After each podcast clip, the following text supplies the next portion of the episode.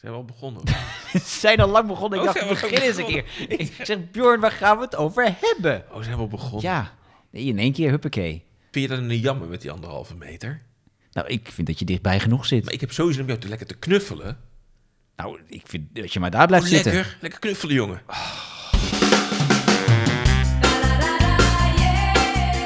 heb het idee dat er iets heel essentieels niet voorbereid of besproken is. toch elke keer zo? Dat is altijd zo. Dat maakt niet uit.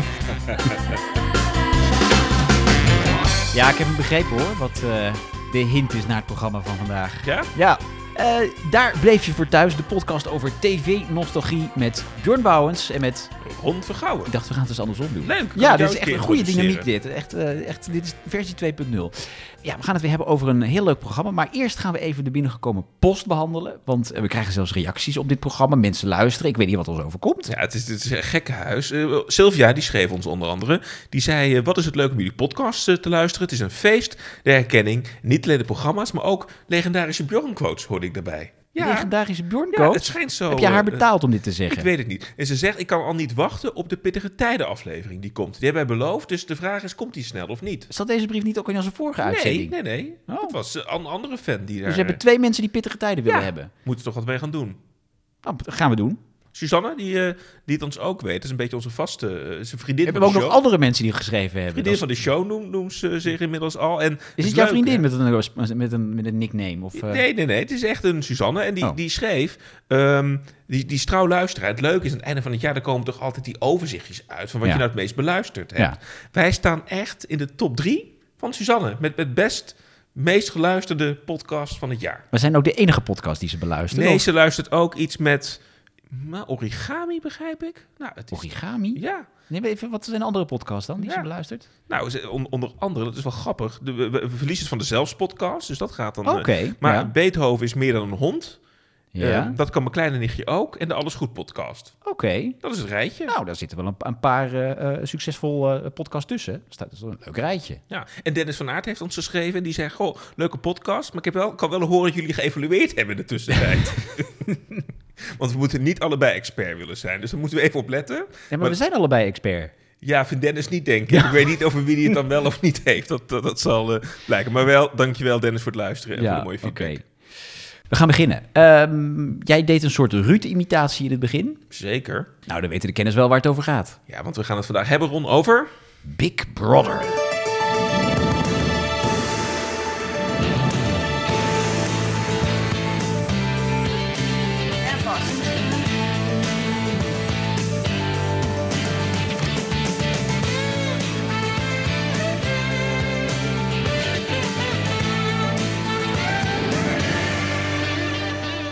Ja, Ron. Terug naar het jaar 1999. hè? 99. Hoe, hoe zag jouw leven eruit in 1999? 1999, volgens mij eh, deed ik met jou dat jaar, ja, gaan we terug in de tijd, deden we eindexamen van de HAVO. Dat is waar. Dus we zaten nog op de middelbare school en we hadden net examen gedaan. En toen, eh, toen we net klaar waren na de zomer, toen ontstond er een, eh, een grote hype in Nederland, zou je kunnen zeggen. Nee, dit was net daarvoor volgens mij. 99, dit was daarvoor. 2000 hebben we eindexamen gedaan. Oh, hebben wij toen examen? Ja. Dus, wij, doen, maar, dus wij zaten ja, op de middelbare school en dit was het programma waar je het over moest hebben. Waar je tussen de, de, de, de tussenuurtjes, waar je het over had met elkaar. Want je ging uit, dus heb jij dat gisteren gezien tussen die twee bewoners en zo? Maar het ging vooral ook over dat het al vooraf een soort schande was wat er zou komen. Nou, niet op de middelbare school. Dat waren meer de, de- dat waren de oudere mensen, de volwassenen. Die vonden het een schande, inderdaad. Wij waren nieuwsgierig. Ja, want het was een programma van eh, John de Mol en zijn assistent Paul Reumer, gedelegeerd producent. En eh, zij hadden dus bedacht om mensen in een huis te gaan stoppen met camera's erop. En dat zou eerst een jaar lang zijn. Ja. Het zou een soort gouden kooi zijn, wat later ook echt is gekomen als de gouden kooi. Ehm, en eh, nou ja, dat was wel revolutionair. Ja, dat was zeker revolutionair, maar ja, mensen ja, verafschuwden dat in de media vooraf. Hè? Dus, zeker eh, hè, de, het, het, het serieuze journaaien, zou je kunnen zeggen, die dachten van, nou, het is echt onethisch om mensen hè, in, in, eh, eh, in een huis te gaan stoppen en, en op te sluiten. Want kijk, in de jaren negentig, volgens mij, hè, Emotie-TV, dat deed het heel goed, hè, maar dat was nog best... Nou ja, achteraf gezien, bescheiden. Hè? We hadden Oh You Need Is Love, we hadden Het Spijt Me, de Surprise Show. Hè? Programma's waarin de traan en de menselijke emotie centraal stonden. Vaak geproduceerd ook hè, door John de Mol. Of Joop van Ja, Ende. nou, sterker nog, John de Mol heeft het ooit zijn drietrapsraket genoemd. Hij is begonnen met infotainment, dus het, het toevoegen van amusement aan informatieve eh, programma's. Daarna kwam de tweede, emotietelevisie.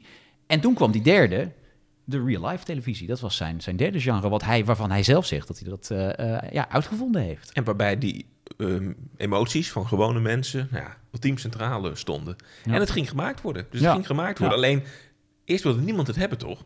Nee, nee, het was eerst aangeboden aan eh, SBS6. Eh Zelfs die vonden het te gek in die tijd. Westerlo die zei, nou nee, dit gaan we niet doen.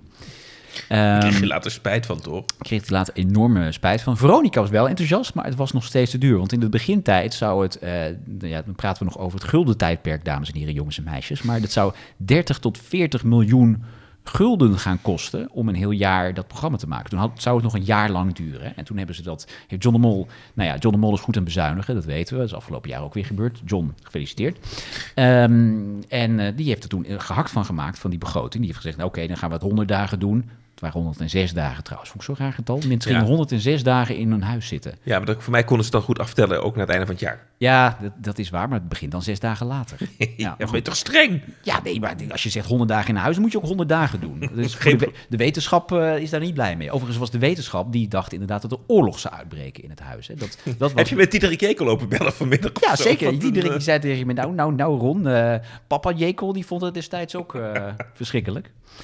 Ehm, dus de, het werd 100 dagen en eh, ja, het, het werd niet een heel luxueus huis, maar het werd een, ja, een soort bouwkeet, veredelde bouwkeet. En dat is wel interessant, want we kwamen uit in Almere. Dus als je dan een plek zoekt in Nederland waar je dan een beetje goedkoop iets neer kunt zetten... Met lelijke huizen. Dan kunnen we snel in Almere uit. Maar wat wel grappig is, is dat het op het voormalige terrein was van de Dick Maas eh, Studios en de First Floor Futures. Waar Vlodder werd Waar opgenomen. Vlodder werd opgenomen. Ja, dat is waar. Dus ja. ze zaten eigenlijk gewoon bij Ma Vlodder in de achtertuin, zou je kunnen zeggen. En daar werd het Big Brother huis neergezet. Ja. En- was ook omdat ze niet een plek konden vinden waar een, eh, een huis gebouwd kon worden qua eh, bestemmingsplan en zo. Dus dat hielp ook mee. En de- Ja. dit was het, een terrein waar eh, lange tijd een, een soort Ja. bouwkeet mocht staan. En in Almere heb je geen bestemmingsplan, Dat is, dat is waar. En er was ook een, een, ja, een soort.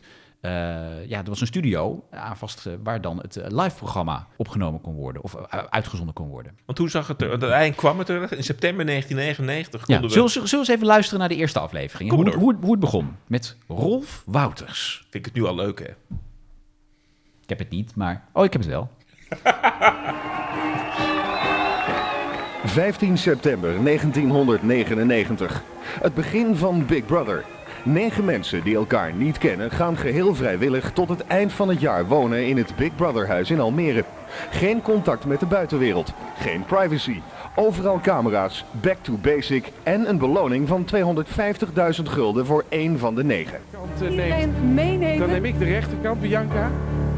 Ga je mee? Alle bewoners van het Big Brother Echt huis mee hoor. kunnen die zich nu verzamelen.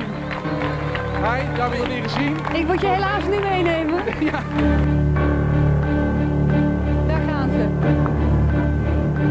En de deur is dicht. Big Brother is begonnen. Ja, dat was wel een legendarisch moment. Ja, het is een legendarisch moment, maar ook wel echt wel kneuterig. Hè? Dus ook zeg maar, het is zo'n iconisch programma geworden. Ja. Toch ook de kneuterigheid waarmee hè, toch die, die eerste uitzending eruit zag. Dat, daarmee kon ik niet vermoeden dat het zo'n grote wereldhit zou worden. Eigenlijk zag het er nog kneuteriger uit. Want wat niet veel mensen weten, is dat dit ook niet live was. Veronica heeft dit gebracht als een live programma. Maar een dag eerder zijn de bewoners er al ingegaan. En was dat omdat dat- ze het programma moesten monteren? Voor Ja, de, zij wilden zorgen dat die eerste uitzending er goed uitzag. En ook omdat vanaf dat moment de, eh, de uitzending die je op televisie zag... waren eigenlijk de belevenissen van de bewoners de vorige dag. En omdat, ja, om het mogelijk te maken dat je dat kan monteren... Ja, je kunt niet om zeven uur s'avonds laten zien wat op diezelfde dag overdag is beleefd. Eh, dus ze moesten gewoon een dag voorlopen op de uitzendingen. En dat is de reden dat ze een dag eerder het, eh, het huis in zijn gegaan. ja. En toen begon het, hè? Du- Dus, dus 106 dagen, Ja, negen onbekende mensen in In een, een- huis, in, nou, ja, een lelijke bouwkeet eigenlijk, hè? camera's erop en eigenlijk gewoon kijken wat er gebeurt. Wat er gebeurt. Ja, nou ja, psychologen dachten dat het oorlog zou worden, maar het werd eigenlijk hartstikke saai. Er gebeurde helemaal niks. Nee. Maar het was wel gelijk fascinerend. Ja, vanaf dag één keken er een miljoen mensen. Acht uur s'avonds op Veronica. Ik moet even uitleggen. Veronica was in die tijd eh, ja, een zender die bij RTL hoorde. De Holland Media eh, Groep was dat op dat moment. En dat was een zender die niet heel erg lekker ging. Er waren een paar programma's die redelijk scoorden. Een paar Ronde Fouters-programma's deden het wel goed, hè? Ja, nou ja, ook redelijk. Maar, niet, Tandenborstelshow. ja, maar goed, dit programma, bam, gelijk een miljoen kijkers om acht uur. En dat elke dag lang, eh, ja, dat was een groot succes. Ja, en het werd zelfs daarmee een soort concurrent van Goede Tijden, Slechte Tijden, dat timeslot. Ja. Dus daardoor is Big Brother zelfs op een gegeven moment ook naar zeven uur volgens mij gegaan, of half acht, hè? Zeven uur. Om niet te concurreren met, met Goede Tijden, Slechte De Tijden van diezelfde zendergroep. Ja. Ja, en waarom een miljoen kijkers? Want er gebeurde dus helemaal niks. Alles wat inderdaad de psychologen hadden gezegd van... joh, mensen gaan vechten en het wordt zo'n psychologische terreur... gebeurde helemaal Ja. niks. Het werd heel saai. En daar hadden ze, de makers, ook niet echt rekening mee gehouden. Dus volgens mij dacht men ook, er moet, moet iets gebeuren. Ja. Nou, toen zijn ze gekomen met weekopdrachten. Dus de bewoners moesten elke week een, een opdracht uitvoeren.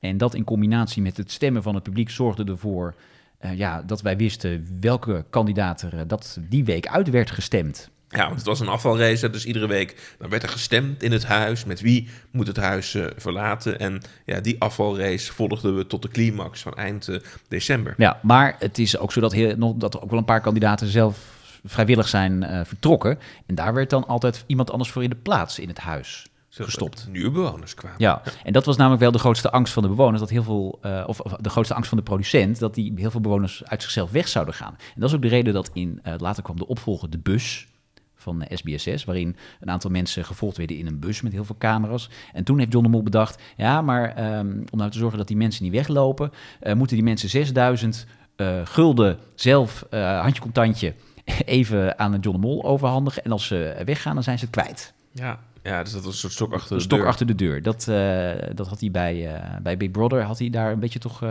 wel angst voor. Dat be- bewoners ook weg zouden gaan. Die mensen in dat huis, die werden wel helden. Eigenlijk vanwege de saaiheid. Maar ik denk vooral ook omdat mensen op een moment zaten te wachten. Want er zaten een paar types in. Misschien kunnen we zo meteen eens kijken wie erin zaten. Maar we hadden onder andere te maken met Bart, een beetje die mooi boy. En we hadden Sabine, een jong meisje. En die mensen die Hummy van de Tonnekreek, hè, de redacteur eh, van... Hoofdredacteur. Ja. Hè, die, die had volgens mij wel bedacht van, oh, dat jongen, dat meisje, dat kan wel eens wat worden. En heel Nederland had het al door. En het programma werd echt pas vuurwerk rondvergouwen in het huis op het moment dat de liefde een beetje ontsproot tussen Bart en Sabine. En daar keek heel Nederland om zeven uur met rode oortjes naar. Daar gaan we nu naar kijken. Ik vind Sabine een erg leuk meisje. Dat kan niet. Ah nee, ik heb je nog vast. Maar degene die hier blijft, die krijgt het ook zeker wel moeilijk. Ja. Maar ja, je moet er gewoon zo denken van, gewoon echt, maar hij is niet klein. En ik zit hier puur voor mezelf en voor niemand anders. Ik zit hier voor mijn lol. Dat is niet lollig, maar dat is Ja, leuk weg. precies. Zijn jullie er klaar voor? Kom maar. Ja. Hier komt de naam. Het is geworden Sabine. Mm. Kut, hè. Nee, maar echt, hier had heel Nederland het Ja, over. toch? overigens bleek later dat er ook echt niks gebeurd was. Nee, Tenminste, dat dat zeiden ze zelf, Bart en Sabine. weten we niet, hè? Maar het, maar het land had het hierover, toch? De, Ja, de, ja. de opluikende liefde Bart en Sabine. Had jij andere bewoners die, die bij jou nog wel in de herinnering eh, zitten uit het eerste seizoen? Mm, nou ja, Karin. Een beetje de gezellige moeken van het, eh, van het stel, volgens mij. En, was ook een beetje echt Henriette Tol trouwens. Ja, die Karen Alberts weer tijd en slechte tijd. ja, het precies. is- Ja, zoekt u thuis even op wie Ja, eh, Henriette Tol. Henriette Tol We maken binnenkort een special over Henriette Ja, dat Tol. moeten we doen, inderdaad. Ja. Henriette Tol special.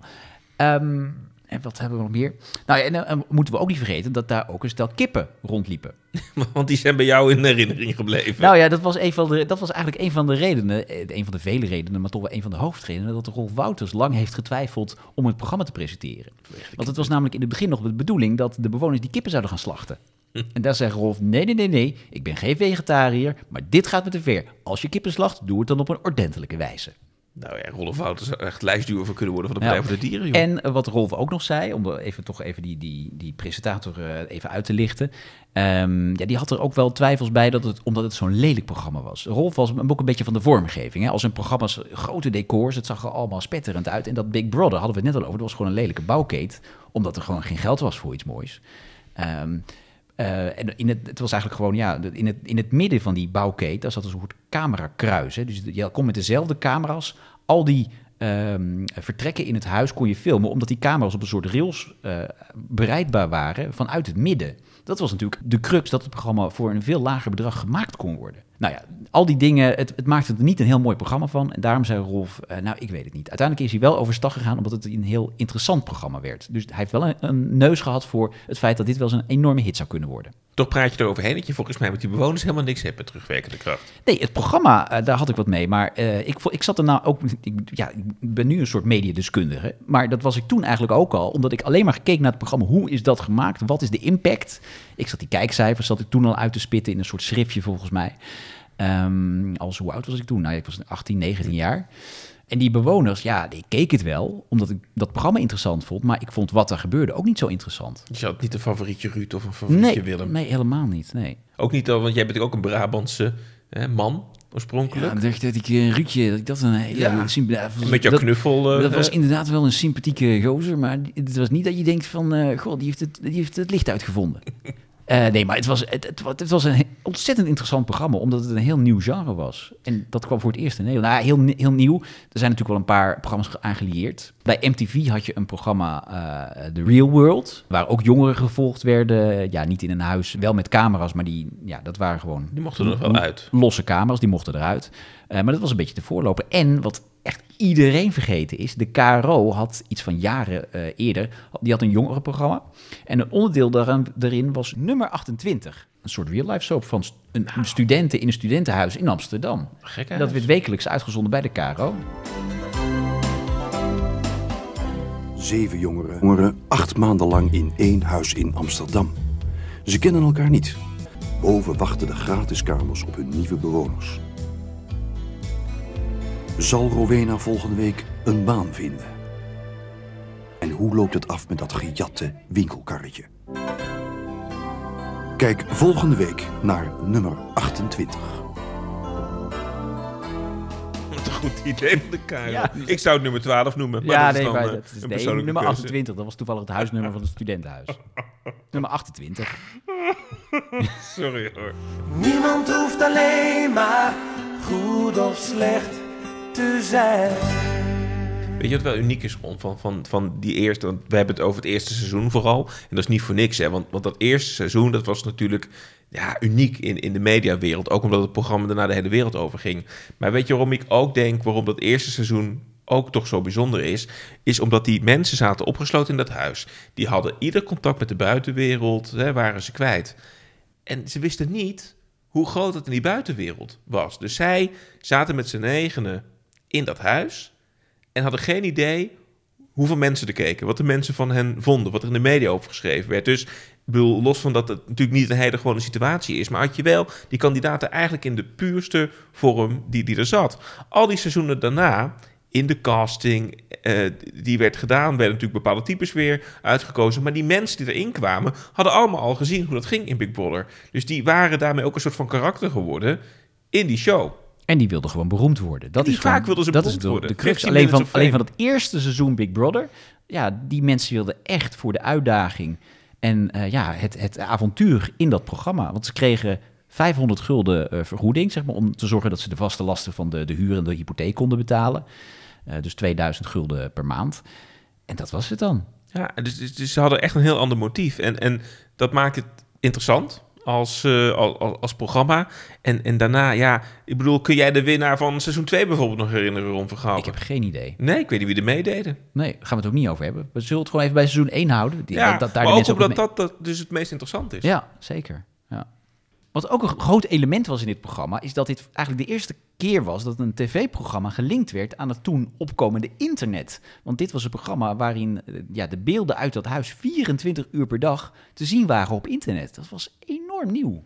Ja, kijk ook best veel mensen naar die saaie streams overdag. Hè. Dat komt bij kabelaanbieder volgens mij ook. Ja, dat en eh, er waren op een gegeven moment kwam, kwam het nieuwsbericht zelfs dat, eh, omdat heel veel mensen hadden nog geen heel snel internet, dat mensen op hun werk heel veel naar Big Brother zaten te kijken. Op een gegeven moment lekte uit dat eh, op een van de ministeries, ik weet niet meer welk ministerie, heel veel ambtenaren de hele dag alleen maar naar Big Brother aan het kijken waren. En Sowieso uniek, hè? want het was inderdaad internet meets eh, televisie. Maar ook de, de hele conventies met tv. Want het was dus een dagelijkse real-life soap. Maar ook gecombineerd met een grote live show op de donderdagavond. Hè? ja, en die werd wel altijd het best bekeken. Dat was echt, want, want dan eh, was het moment waarop Rolf Wouters met Daphne Dekkers, hè, want dat was de co-host van, Ja. eh, van, van Rolf, ze terug op de ontwikkeling in het huis van, eh, van die week. eh, en werd de stemming gedaan. En was het altijd weer de vraag aan het einde van die live show: wie wordt uitgestemd? En die persoon ging dan ook live dat huis eh, verlaten, kwam de studio terecht. keek terug op de avonturen in het Big Brother eh, huis en werd ook geconfronteerd met de gekte die in de buitenwereld was ontstaan over dat programma. Ja, ja, en dat was een enorme gekte inderdaad. Eh, ik kan me nog herinneren dat de Billboard Frequin, die kwam een keer met een parachute, probeerde die Hè? In de tuin van het Big Brother huis te landen. Ja, hè? Kunnen we die parachute eh, de tuin van die Big Brother huis gaan kijken, hè? Goed. Ehm, er was een optreden van eh, Marco Borsato volgens mij, die zijn nieuwe hit eh, voor het eerst eh, binnen, volgens mij eh, ook voor het eerst bracht in het Big Brother huis. En toen was die dus binnen. Snap je? Binnen. binnen het Big Brother huis, snap je? hem? Voel, Hey, ja, ik hey. snap het. Ja? Ja, voel de knip hem door? aankomen Dus in de podcast. binnen en dan heb je Big Brother. Ja, goed. Ja. Ehm, en, ehm, nou ja, en er werden ook enorm veel eh, parodieën gemaakt op het programma. En dat is altijd een goed teken. Als je geparodieerd wordt, dan ben je succesvol. Precies. Dus ehm, een hele grappige vond ik bijvoorbeeld... De, op, eh, op de late avond had je in die tijd de dagelijkse talkshow van Barend en Van Dorp. En die hadden altijd een halve minuut eh, soap in hun, eh, in hun programma. Dat was Villa Muis. Hoe moet dit verder? Gaat Ria woensdag trouwen met de man die wellicht donderdag het huis moet verlaten? Kijk morgen weer naar Villa Muis. En dat was dus een 30 seconden lang keken we naar de avonturen van muizen in een muizenhuis. Dan ben je groot hè, als Ja. programma. Henny Huisman die maakte een, eh, een parodie op eh Humi van de Tonnekreek. Als eh, de ambassadeur van de postcode loterij eh, had hij zich helemaal verkleed met een, met een hondje op schoot. En had hij zich verkleed als Humi van de Tonnekreek in de dagboekkamer. Moeten we dat nog even aanstippen? De dagboekkamer. Ja, dat was leuk, hè? Want, want je, je had natuurlijk nergens privacy in dat huis, want hè, je was eh, constant bij elkaar. Maar je had en een toilet, kon je even terugtrekken, en de dagboekkamer. En wat was de dagboekkamer? De dagboekkamer was een plek in het Big Brother huis waar je even in de camera wat kon eh, zeggen over wat jou bezig hield. Maar waar ook volgens mij achter de schermen een psycholoog eh, aanwezig was. Waarbij je even je hart kon eh, luchten, waarbij je even wat, wat psychische bijstand kon krijgen. Dus dat was eigenlijk de plek om even de boel te relativeren en even goed te bedenken wat er aan de hand was. In Ja. het Big Brother huisje, de dagboekkamer. Moet het woord van het jaar geweest zijn in 1999. Ik denk het wel, ja. Wat nu met corona het geval is. Dat toen had je heel veel woorden gelieerd aan Big Brother. Dus de nominatie, de weekopdracht en de dagboekkamer. Dat waren woorden, ja, die, daar had iedereen het over toen. Het ging de wereld over daarna. Hè? Dus het succes wat John, John de Mol geloofde in dit idee, samen met Paul eh, Reumer. Uiteindelijk is Veronica, denk ik, super blij dat ze het gedaan hebben. Al Want ze, heeft- hebben, ze hebben allebei ook gewoon het, het, geld erin geïnvesteerd. Dus niet alleen John de Mol, maar ook de omroep Veronica is hier enorm rijk van geworden. Ja, en, en ze gingen de wereld over, hè? Ja, 80 want- landen uiteindelijk. Ja, in maand eh, na de start van Big Brother was eh, de tv-beurs in Cannes. En iedereen, heel de wereld, kwam naar eh, het steentje van eh, John de Mol om te kijken wat dat nou toch was. Het programma wat eh, in Nederland de tongen losmaakte. Het ging de wereld over. En, en wat wel bijzonder is, want hier heeft het nog een aantal seizoenen gelopen. Het, het, het doofde uit. En ook al is het een aantal jaren daarna weer geprobeerd. Maar in het buitenland is het ook ja, jarenlang, jaar in jaar uit, een groot succes gebleven. Het programma. Nou, sterker nog, in Amerika elke zomer een nieuw seizoen van Big Brother, nog steeds. Scoort pannen van het dak. alleen hè? afgelopen zomer niet vanwege corona. Maar daar is het ook gewoon nog steeds een, een grote hit. En in eh, het Verenigd Koninkrijk eh, heb je, eh, nadat het een aantal jaren inderdaad daar ook wat minder werd, heb, je, heb je daar een seizoen gehad met bekende Britten die in de, de VIP-editie gingen. Hebben we trouwens ook in Nederland gehad. Ja, Hotel Big Brother. met Viola Holt, hè? Viola Holt en John Jones en dat soort types inderdaad. Ja. ehm, Ik heb trouwens met Viola... Ik, ik, kan, ik kan dat ook nooit zien, want ik, ik heb ooit... Hè, ik, ik ben natuurlijk een soort van B-amateur, sowieso ook in dit gezelschap. Hè, maar ik heb ooit met Viola Holt op de regionale zender nog een programmaatje gedaan. Wist je ja, dat? dat is waar. Dat heette RNN Vandaag, van Ja. de regionale commerciële zender RNN7. Je kent het niet. Wie kent het niet? Met Edvard Niesing, Viola Holt, met Kuizinga en anderen. En Bjorn Bouwens. En Bjorn Bouwens, die mocht wel eens invallen. Dat was wel aardig. En ik deed eens een keer een programma met, met Viola. En ik heb, dat beeld ben ik nooit kwijtgeraakt. Maar dan hadden we instartjes. Het was een soort vijf uur show, maar dan zonder budget, weet je wel. Het was meer de vijf euro show. was Ja, mensen normaal bij een, een, een haalden ze meubels in huis van de Meubelboulevard. Wij- jullie, jullie zaten op de Meubelboulevard. Echt letterlijk. We hebben opnames gehad in een keukenstudio, in een meubelzaak. Kostte niks en het werd gesponsord. Heel goed. Ehm, maar ik, ik kan me nog herinneren dat ik met Viola daar een instartje had, zeg maar. En de zender van Viola, die viel uit. Dat was een live uitzending toen. Ja. Dus ja, paniek in, in de tent. Dus wat er gebeurt, ze zat in een, in een jurkje naast me. En ze doet haar jurk om, omhoog en zegt van... Ja, je moet nu even in de panty. Want dat stekkertje van Hè? Toen De- ging jij even snel in de Dus panty. ik ging in de panty van Viool. Ik plug dat in. Ja. Ondertussen telt er een opnameleider af van 5 naar 1. En ik heb dat wel eens teruggezien. Ja. Op het moment dat ik weer in beeld kom, zeg maar, is net of zo'n konijntje de koplampen van de auto kijkt, weet je wel. dat je denkt, wat is hier eh, gebeurd? Dus ook Oh. in Hotel Big Brother, ik, ja, ik heb dat beeld dan Oké. daarbij. Nou, ik ga, binnenkort gaan we de DVD-box een keer samen kijken. Want Die- ik ben benieuwd naar dit moment. Die zit in een kluis ergens eh, in Amersfoort. Ja. Goed, laten we terug naar de basis gaan. Nou, wat natuurlijk bijzonder is, is dat het echt een introductie is geweest. Niet alleen van dit programma, maar van een, een genre wat tot de dag van vandaag zo populair is. Want als je nu ook kijkt naar al die Temptation Island-achtige programma's, dat heeft nog steeds zijn oorsprong, volgens mij, in wat we met Big Brother hebben gezien. Dus gewone mensen in ongewone situaties zetten, waar vaak ook een wedstrijdelement in zit. Dat heeft Big Brother eh, gedaan. Het is een genre wat dus al ruim 20 jaar meegaat, Ja. internationaal op de televisie. Dat is hier echt wel het startpunt geweest, hier in Nederland, op die lelijke bouwplaats in Almere. Ja. Met Rolf Wouters, Absoluut. dat wel. Het is overigens wel zo, het is exact op hetzelfde moment als een ander programma eh, begonnen, wat ook de hele wereld heeft veroverd. Dat komt uit eh, Amerika. Is wat wij kennen als Expeditie Robinson. Dat is eigenlijk ook hetzelfde genre, alleen dan Klopt. op een onbewoond eiland. Dat is op het, hetzelfde moment begonnen. Eh, en dat is ook een format wat de hele wereld eh, heeft veroverd. Op dat moment waren er eigenlijk drie formats waar heel de wereld achteraan zat. Dat waren Big Brother, Expeditie Robinson en eh, ehm, eh, Weekend Millionaires. Of Who, Who Wants to be a Millionaire. Dat waren de drie programma's eind jaren negentig waar iedereen achteraan zat. En wat de hele wereld veroverde. Ron Vergouwen. Bjorn Bouwens. Nu komt er natuurlijk een nieuw seizoen, hè? Ik ben het. Big Brother. Ik weet alles van je. Maar durf je dat ook met iedereen te delen? Ja, RTL heeft bedacht... Hoe kunnen we RTL 5 eens even leuk op de kaart zetten? Hoef je niet te veel moeite voor te doen, want het, het, het valt nu van de kaart af, momenteel. Ja, ken jij nog een programma op RTL 5? Ja, iets met ambulances, politie en doktoren. En die- brandweer. En dan bij een rechtsgebouw, ge- iets. Ja, Ja. ja, eigenlijk is het nu gewoon... Het is al eigenlijk 24 uur per dag Big Brother. eigenlijk wel, maar dan... Maar dan be- met beroepen. Ja. ja, ja. Dus maar goed, zij gaan dus, dus daar eh, eh, elke dag Big Brother uitzenden. Samen met de Belgen wordt het overigens nu voor het eerst gemaakt. Eh, het is 15 jaar geleden hè, dat, dat het programma Nederland op de tv geweest is. Ik vind het dapper dat RTL het weer aandurft om te investeren in RTL 5, in zo'n programma. En, en ik denk dat het format, dat internationaal is het wel bewezen dat dat nog kan werken. Of het in Nederland werkt op deze zender, daar heb ik wel mijn twijfels bij. Ja. Ik ben zelf niet iemand die dit soort eh, eh, programma's kijkt. Maar ik heb wel toen eh, op, op social media en zo... waren best veel mensen enthousiast, viel mij op... toen be- bekend werd dat Big Brother weer terugkwam. Dus er is blijkbaar wel een markt voor. Ja, al weet ik dat ook niet, maar misschien dat ik dan ook... Of zijn dat dan nostalgische Ik overwegingen? weet het niet. Kijk, Utopia, dat is natuurlijk ook een variant geweest die de afgelopen jaren heeft gedraaid. Daar hebben ze iedere dag bij de kijkonderzoek gezegd dat daar honderdduizenden mensen hebben gekeken. Nou als één iemand trouwens ooit dan een aflevering gezien heeft, meld je ook bij deze in de reacties, want ik ken niemand. Nee, ja, toen het nog om, om half acht werd uitgezonden elke dag... keken daar ja, tot- het laatste moment eigenlijk gewoon 500.000 mensen naar. Jij zat er niet bij. Ik zat er niet bij. Nee. Nee. Dus ik weet het niet. Dus misschien dat je dan toch denkt dat daar best wel weer markt voor is. En, en misschien dat wij niet de- doelgroep toch eh, zijn. Ik zou het wel RTL 5 wel erg gunnen. Dat, dat ze hiermee toch weer ook een mooi Nederlands format in huis halen. En als dat een breed publiek weer kan bereiken, zou ik wel mooi vinden. Ja, en dan de livestream is dan niet te zien op internet, maar wel via Videoland. Ja. Ja, Geraldine Kemper gaat het presenteren. Ja.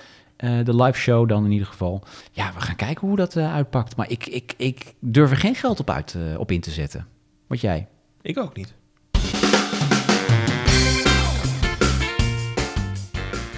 Ja, het is weer tijd voor ehm, ja, de, de grote afsluiter. Normaal deden we dat altijd met een sterrensysteem. Daar hebben we afscheid van genomen. Sinds vorige uitzending doen we dat met een Daar blijf je voor thuis TV-kanon systeem. Bjorn, leg even uit. Wat is dat precies? In de, de kanon, want daar bleef je voor thuis, hebben we de tien programma's waarvan wij vinden dat ze de kanon van de Nederlandse tv-geschiedenis eh, vormen. En eh, ja, er blijven ook altijd maar tien programma's in die kanon zitten. Dus iedere keer als wij een nieuw programma bespreken, is het de vraag: komt hij in de kanon of niet? En als hij erin komt, welk programma verdwijnt er dan uit die kanon? En wil jij natuurlijk weten, welke tien programma's hebben we nu dan nog in de kanon Ja, zitten? vertel, vertel even snel. 30 minuten, Now or Never, Medisch Centrum West, Idols, Zet en Fiona, die is de vorige keer bijgekomen, June 13, Doet hij het of doet hij het niet, Vrienden voor het Leven, ook dat nog, en de tv-show met Ivonie. Dat is de huidige top 10. En Ron, het is tijd voor groot overleg, want de vraag is, krijgt Big Brother een plek in de kanon, ja of nee? Oh, we gaan nu overleggen. We gaan overleggen. Gaan wij nu. altijd raar dat de mensen dat niet mogen horen wat wij Ja, zeggen. maar echt luister. Ik vind het te veel ouders. Ja. Alles met goede ouders in de kamer. Ik vind dat wel waar. Maar ik vind het, dit hangt niet echt aan een volwassen. Het maakt niet uit. Het is ook absoluut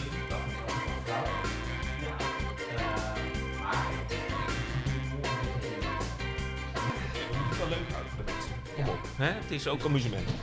Eh, Het ging heel goed. Goed, daar zijn we weer. Eh, we hebben even overleg gehad in eh, het kamertje hiernaast. Ik hoop dat u er nog bent. Ja, de vraag is allereerst, komt het programma in de kanon? Ron, we hebben zojuist zeer democratisch besloten dat het programma in de kanon komt. Ja, nou, dan denk ik dat wij waren gewoon unaniem hier. Want wij eens. zien gewoon, het is een uniek programma. Het heeft zoveel impact eh, gehad. Het is, ja, moet in de kanon. Kan niet missen. Dus eh, eh, een mooie plek. Het was even de vraag ten koste van welk programma. Ja, want wij hebben echt wel een discussie gehad welk programma moet er dan uit. Ik heb zelfs mijn stokpaardje Zette Fiona even gedacht om het eruit te gooien. Dat gaan we Want ik ben doen. wel de grootste Zette Fiona fan, maar om nou te kijken, is dit het meest revolutionaire programma? Nee. Maar uiteindelijk heeft dat programma, daar ben ik heel blij mee, mag nog even blijven staan. Eh, maar een ander programma moet eruit. En wij hebben besloten dat het programma Doet hij het of doet hij het niet eruit moet. Ja, dus we doen het wel. Het gaat eruit. Ja. Sorry Peter Jan. ja. Ehm, nou, en daarmee eh, is de tv-kanon weer compleet. Eh tien programma's waarvan we zeggen, die mogen we nooit vergeten. En dit programma moet er zeker in. Zijn we weer rond voor deze keer. Ron, mag ik je hartelijk danken. Dat mag, maar dan alleen als ik jou ook mag bedanken. En eh, ik hoop dat je het leuke aflevering eh, vond. En als je nou wilt reageren, dan kan dat hè. Ja, geef even een goede recensie in alle podcast-apps. Of volg ons op social- geven. Dat mag ook. En eh, via social media. Via Twitter zijn we goed te bereiken. Dan volg je ons eh, via Daar Bleef Je Voor Thuis. Of Instagram. Zijn we ook te vinden onder Daar Bleef Je Voor Thuis. Het is heel simpel. En een mailtje sturen met suggesties, dat mag altijd naar... Daar Bleef Je Voor Thuis, gmail.com. Wat hebben wij een goede wisselwerking. We zouden een podcast moeten doen. Nou, dat is wel een goed idee. Ja. Dank voor het luisteren en eh, nou, eh, eh, hou hem hier. Tot de volgende keer. Dag. Ron, waarom heb je die deur op slot gedaan dan hier? Kijk eens om je heen. Ik ga niet met jou heel lang hier in dit huis. Kijk eens, daar hangt de camera. Nee, alsjeblieft. En kijk daar eens. Daar hangt ook Kijk, een camera. ik, vind, ik wil En best... kijk eens even daar. Een Ik wil af en toe En best met jou een podcast En maken, maar we gaan niet hier En nog daar. camera's op zetten. En We ze- daar. ik kan het En om de hals van die kat, kijk eens daar. Een camera. Wat doet die vreemde man hier in de kamer?